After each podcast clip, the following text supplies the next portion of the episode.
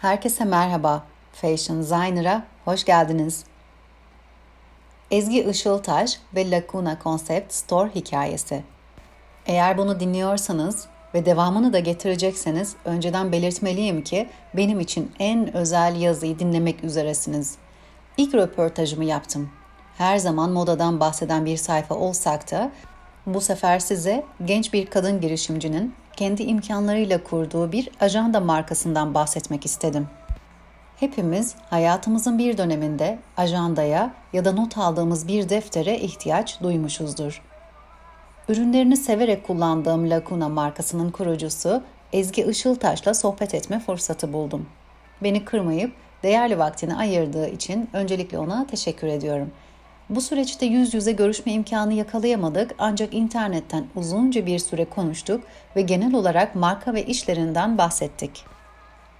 Öncelikle size teşekkür ederim vakit ayırdığınız için. Hoş geldiniz Ezgi Hanım. Bize biraz kendinizden bahseder misiniz? Tabii ki ismim Ezgi. 23 yaşındayım. Bu yaz Hacettepe Üniversitesi İç Mimarlık bölümünden mezun oldum. Ankara'da yaşıyorum Mezun olduğumdan beri iç mimarlık yapıyorum. Bölümümü çok severek okudum ve iş hayatında da severek çalışıyorum. Kendi markanızı kurmaya nasıl karar verdiniz? Bu süreç nasıl gelişti? Okuduğunuz bölümün yaptığınız işe katkısı oldu mu?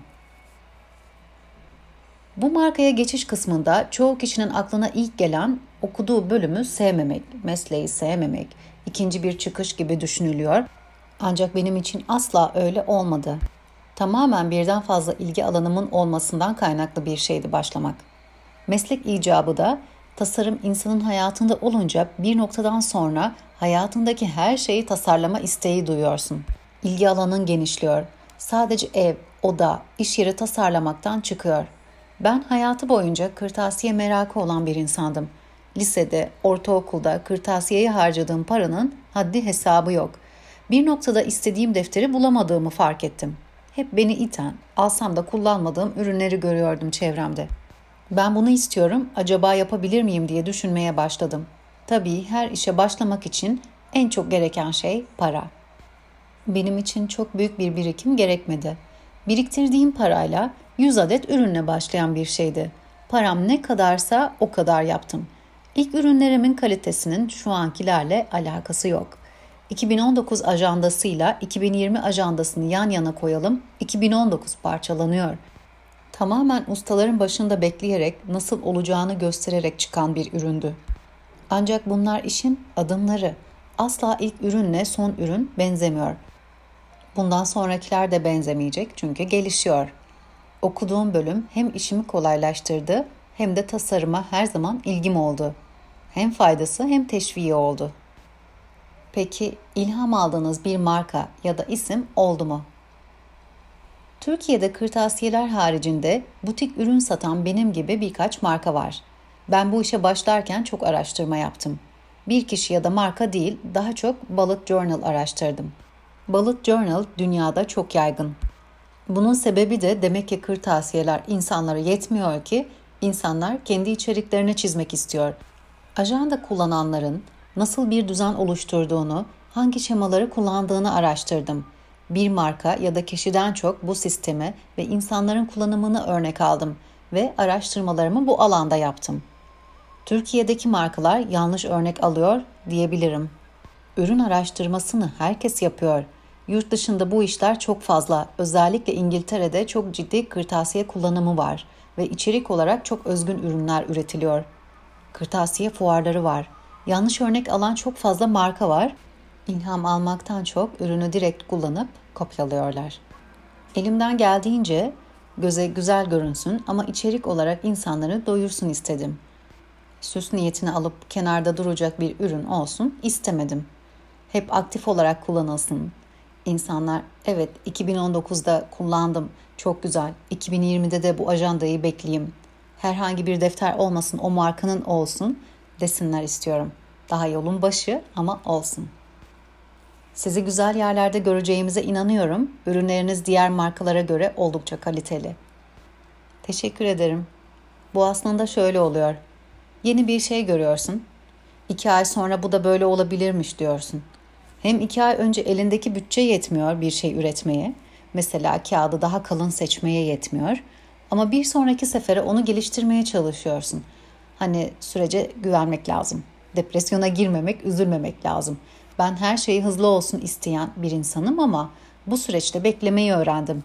Bu süreçte belli zamanlar da var üretim için. Kimsenin kışın mayo almaması gibi bir şey. Ürünlerin sezonu oluyor. Mesela yıl başına yaklaşırken birçok faktör var. Acele karar verilmemesi gerek bu dönemde.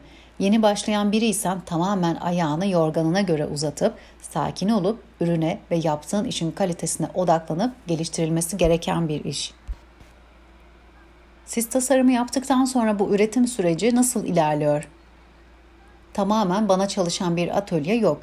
Açıkçası doğru çalışacağım yeri bulduğumu söyleyemem. Sanayi ortamına giriyorsun, hiç bilmediğim bir sektör. Kendi alanımda bir eşya üretecek olsam işi biliyorum, anlarım. Usta beni kandıramaz. Ama bu hiç bilmediğim bir alan. Hala usta beni kandırabiliyor ya da ürün hiç istemediğim gibi çıkabiliyor. Maalesef üretim süreci hala deneme yanılma yoluyla ilerliyor. O yüzden hala içime sinmeyen noktalar var. Aslında bu alanda bilgin ve maddi gücün arttıkça ürünün kalitesi artıyor. Süreç şu sıralar benden bağımsız ilerliyor maalesef. Ürünün tasarımında da, üretiminde de aceleye gelmemesi lazım. Büyük markalar gibi fabrikaya koyup çıkartmıyorum. Ustalar ellerinde yapıyor tamamen. Fabrikaya 10 bin, 20 bin adet üründen altını sokamıyorsun. 100, 200, 300 adet yaptırmak isteyince tamamen ustanın el becerisine kalıyor. Tüm ürünlerimiz el yapımı desek yeridir aslında. İşbirliği için teklif aldığınız oldu mu ya da siz yapmayı düşündünüz mü? Bloggerlarla çalışmak istiyorum. Biri ürünü görsün, beğensin, tanıtsın istiyorum. Ama çok takipçili kişilere ulaşamıyorum. Bilerek yapıldığını sanmıyorum ama çok mesaj geldiği için muhtemelen mesajlarım ulaşmıyor. Ulaşsa da geç ulaşıyor. 100 kişiye yazıyorsam onunla ulaşabiliyorum. Onlar da nispeten daha az takipçisi olanlar. Benim için onun bir önemi yok çünkü daha önce çok takipçisi olan birine ürün yollamıştım etkileşimimin iyi olduğuna inandığım kitlesi geniş biriydi. Ürünü beğendi, paylaştı ama hiçbir etkileşim almadım o kişiden. Ne bir takipçi, ne bir beğeni, ne bir ürünle ilgili mesaj almadım.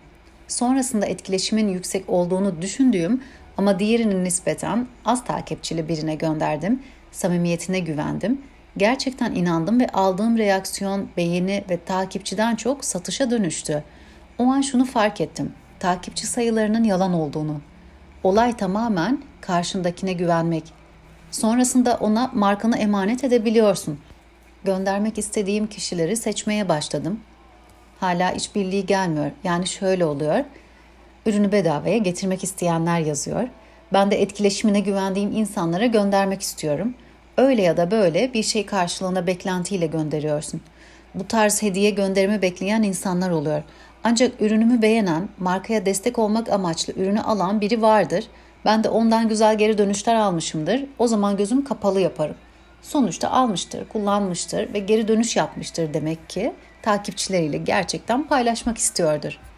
Mesaj atanların çoğu ürünü kullanmak ve bedavaya getirmek isteyen insanlar oluyor. Amaçları ürünü tanıtmak değil, tamamen kendine bir ajanda edinmek aslında. Kendi kullanmadığın, satın almadığın ürünü başkalarına nasıl tanıtacaksın? Sosyal medya bu işin kilit noktası. Etiketleme yaparak reklam vermek aslında amaç. Küçük markaların amacı para harcamak, vermek oluyor bu süreçte. Almaktan çok veriyorsun. Ama alıyorsan da işini doğru yapıyorsundur. Ben bu süreçte biraz ürün dağıtma dönemindeyim. Bu işi merak eden, hevesi olan, başta ben olmak üzere birçok insan var.'' Bunu isteyen insanlara ne önerirsiniz? En önemlisi adım atmak. 100 kişi hayal ediyorsa bunu yapan kazanıyor.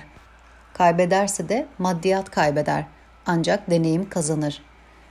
Ürünü üretmek bir adım değildir. Tasarım yapmak, elle tutulur hale getirmek gerek önce. Ajanda yapmadan önce ben kareli defterime yine çizimler yapıyordum. Önemli olan bu işe adım atmak.'' Siz bu süreçte ürünü tasarlayıp baskıya mı götürüyorsunuz? Elimde yapmaktan çok düşünce olarak yapıyorum. Gerekli tüm programları yapmayı bilmediğim için grafiker arkadaşlardan yardım alıyorum baskı için. Hala kırtasiye ürünleri alıyorum çünkü farklı bir detay görüyoruz farklı ürünlerde. Ustaya her zaman anlatamıyorsun. Göstermek için elinde olması gerekiyor. Sosyal medyada kendi blog hesabınız var, kişisel hesabınız. Orada iletişimleriniz nasıl, takipçilerinizle aranız nasıl, hesap sürecinden bahseder misiniz? Ben bunu blog için açmadım aslında. Kişisel hesaptı tamamen. Fotoğraf çekmeyi, çekinmeyi de çok seven bir insanım. O sayede başladı aslında. Onun şu an sorular sorulan, bloggermışım gibi takipçisi olan, merak edilen bir sayfa olmadım. Şu an daha çok gelişmesi için uğraştığım sayfa markanın kendi sayfası. Markanın fotoğraflama süreci nasıl oluyor peki? Profesyonel bir şekilde mi oluyor, telefondan mı çekiyorsunuz? Başlarken her şeyi kendim yapabilecekmişim gibi hissediyordum. Ancak tüm gün uğraşıp 5-10 fotoğraf anca çıkartıyorsun. Çok fazla para harcanması gerek çünkü ürünü gösterecek ürün yanı eşyalar çok önemli. Telefon tamamen yeterli ama bunun profesyonel olmasını istedim. Çünkü belki bu internet sitende olacak ya da bir dergide basılacak. Profesyonel görsellere ihtiyaç duydum. Tam zamanlı çalışıyorum ve vakit ayıramıyordum. Öyle olunca sayfa boş kalıyor. Her şeyi kontrol edebiliyorsun ama yapamıyorsun. Öyle olunca da ben kendi evinin fotoğraflarını çeken, aksesuarlarını paylaşan bir sayfayla iletişime geçtim. Şöyle bir teklifte bulundum. Görselleriniz, aksesuarlarınız, açılarınız çok güzel. Benim için çekim yapmak ister misiniz dedim. O kişi de benim gibi daha önce böyle bir iş yapmamış, telefonuyla çekim yapıyor. Kabul edince benim için bir rahatlama olmuştu. Benim gibi desteğe ihtiyacı olan biriyle çalışınca ikimiz için de iyi oldu.